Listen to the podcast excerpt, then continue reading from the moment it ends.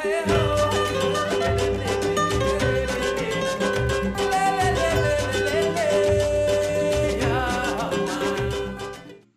berjumpa lagi teman-teman, selamat menikmati podcast ini di mana pun kalian berada. Kita bertemu lagi di Rakat Podcast. Buat yang belum tahu apa itu Rakat Podcast, aku merekomendasikan teman-teman untuk mendengar podcast sebelumnya pada episode pertama atau perkenalan. Uh, kali ini kita akan membahas tentang Melanesia.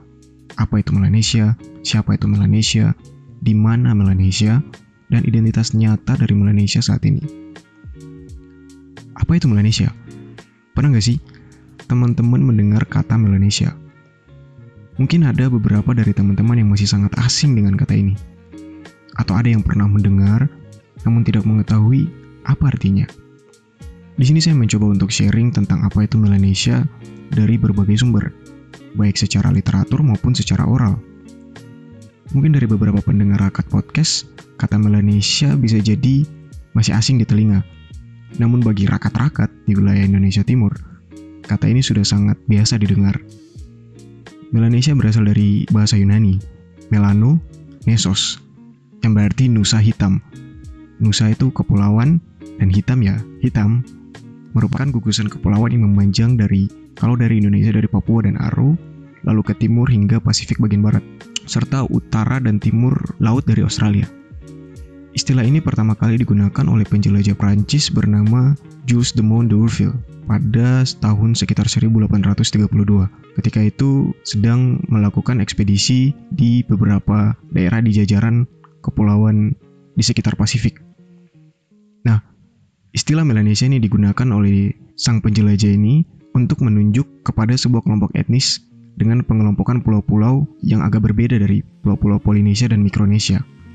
Untuk Indonesia, ras Melanesia sendiri terbentang dari kepulauan di Maluku sampai ke Papua, terus NTT. Secara visual, orang-orang Melanesia berkulit gelap, berambut ikal, memiliki kerangka tulang yang besar dan kuat, dan tubuh yang atletis. Konsep Melanesia sebagai wilayah yang berbeda datang dari beberapa penjelajah Eropa ketika melakukan ekspedisi saat menjelajahi pulau-pulau di Pasifik. Seperti pada tahun 1756 ada Charles de Bruces berteori bahwa ada orang-orang ras kulit hitam yang mendiami wilayah Pasifik. Kemudian pada tahun selanjutnya, sekitar 1825, datanglah Jean Baptiste Bory de Saint Vincent dan Jules de Mont d'Urville mengidentifikasi orang-orang ini sebagai Melanesia yang merujuk kepada sekumpulan ras yang berbeda dari ras penghuni wilayah sekitarnya. Kemudian berdasarkan beberapa penelitian, seperti penelitian dari Jonathan Friedlander dari Temple University, menyatakan bahwa para pemukim pertama di Australia, Nugini, dan pulau-pulau besar di Indonesia Timur sudah berdiam di sana sekitar 50.000 sampai 30.000 tahun yang lalu. Ada juga yang berspekulasi bahwa pulau-pulau yang sekarang ini disebut juga Melanesia, kemungkinan besar juga nenek moyang mereka berasal dari Papua.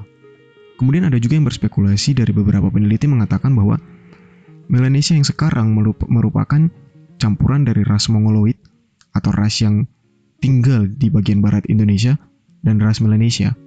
Terbukti dengan penemuan beberapa artefak yang mempengaruhi bahasa, budaya, dan genetika. Jadi ada titik di mana orang-orang Mongoloid dan Melanesia bertemu, yaitu di pulau-pulau timur Indonesia. Tidak hanya soal interaksi budaya, tetapi juga ada interaksi biologi di sana. Di Indonesia, ras yang sangat mencerminkan Melanesia berada di Provinsi Papua dan NTT. Sedangkan di Maluku masih bisa ditemui di beberapa pulau-pulau terpencil. Dikarenakan di Maluku sudah terjadi banyak perkawinan campur, baik dengan ras Mongoloid dan juga dengan penjajah pada saat itu, seperti Belanda, Portugis, dan sebagainya. Kepulauan-kepulauan di Maluku ini mudah dijangkau dan lebih sering dilewati oleh para pedagang pada saat itu. Ras Melanesia masih sangat kental akan kebudayaannya, sehingga sangat menjunjung tinggi adat dan istiadat.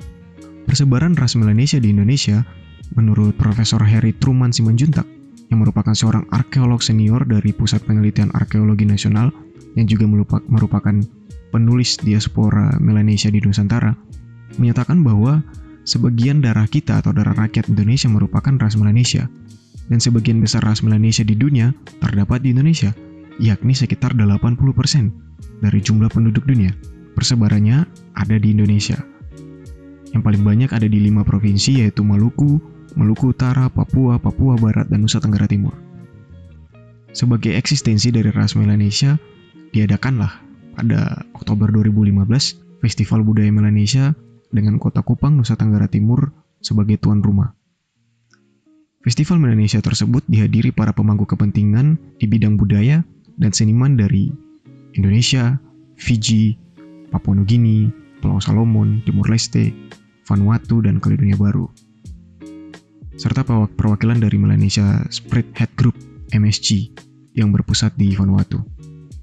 Data dari Kemendikbud menyebutkan bahwa jumlah ras Melanesia di Indonesia bisa mencapai 13 juta jiwa, yang mana tersebar di lima provinsi tadi. Sedangkan jumlah penduduk Melanesia di enam negara lainnya hanya berjumlah sekitar 9 juta jiwa, yang terdiri dari negara-negara seperti Papua Nugini, Timur Leste, Vanuatu, Kaledonia Baru, Kepulauan Solomon, serta Fiji. Melanesia sebenarnya lebih cenderung kepada kelompok etnis karena tidak hanya mencakup ras, tetapi kebudayaan, ritual, dialek, sistem simbol, seni, dan penampilan fisik. Kini ras-ras Melanesia telah terwadahi dalam sebuah organisasi antar pemerintah bernama Melanesia Spearhead Group atau MSG. Melanesia Spearhead Group sendiri dibentuk dengan fokus untuk meningkatkan pertumbuhan ekonomi antar negara-negara Melanesia tadi. Indonesia sendiri masuk dalam MSG tapi hanya dengan status anggota asosiasi, dikarenakan hanya lima provinsi saja.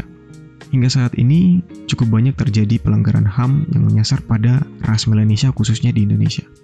Perlakuan rasis dan diskriminasi yang dilakukan terhadap ras Melanesia di Indonesia, mulai dari stereotip orang timur itu pemabuk, suka buat onar, dan tidak tertib masih sangat melekat. Ironisnya, hal-hal semacam ini terus dibiarkan. Tidak adanya komunikasi yang saling menjembatani antara satu pihak dengan pihak lain, sehingga menambah prasangka buruk. Seperti kasus yang di Surabaya kemarin dan kemudian di Malang juga, bagi saya itu merupakan titik balik atau bom waktu dari teman-teman rakat yang sepertinya sudah sangat sering didiskriminasi. Ini menjadi PR yang sangat besar bagi stakeholder-stakeholder penegak HAM untuk mengusut kasus-kasus yang telah terjadi karena Melanesia juga merupakan bagian dari Indonesia. Mungkin sampai sini dulu episode Rakat podcast kali ini. Akan kita lanjutkan di episode-episode berikutnya. Terima kasih Sobat Rakat. Sampai jumpa di Rakat Podcast selanjutnya.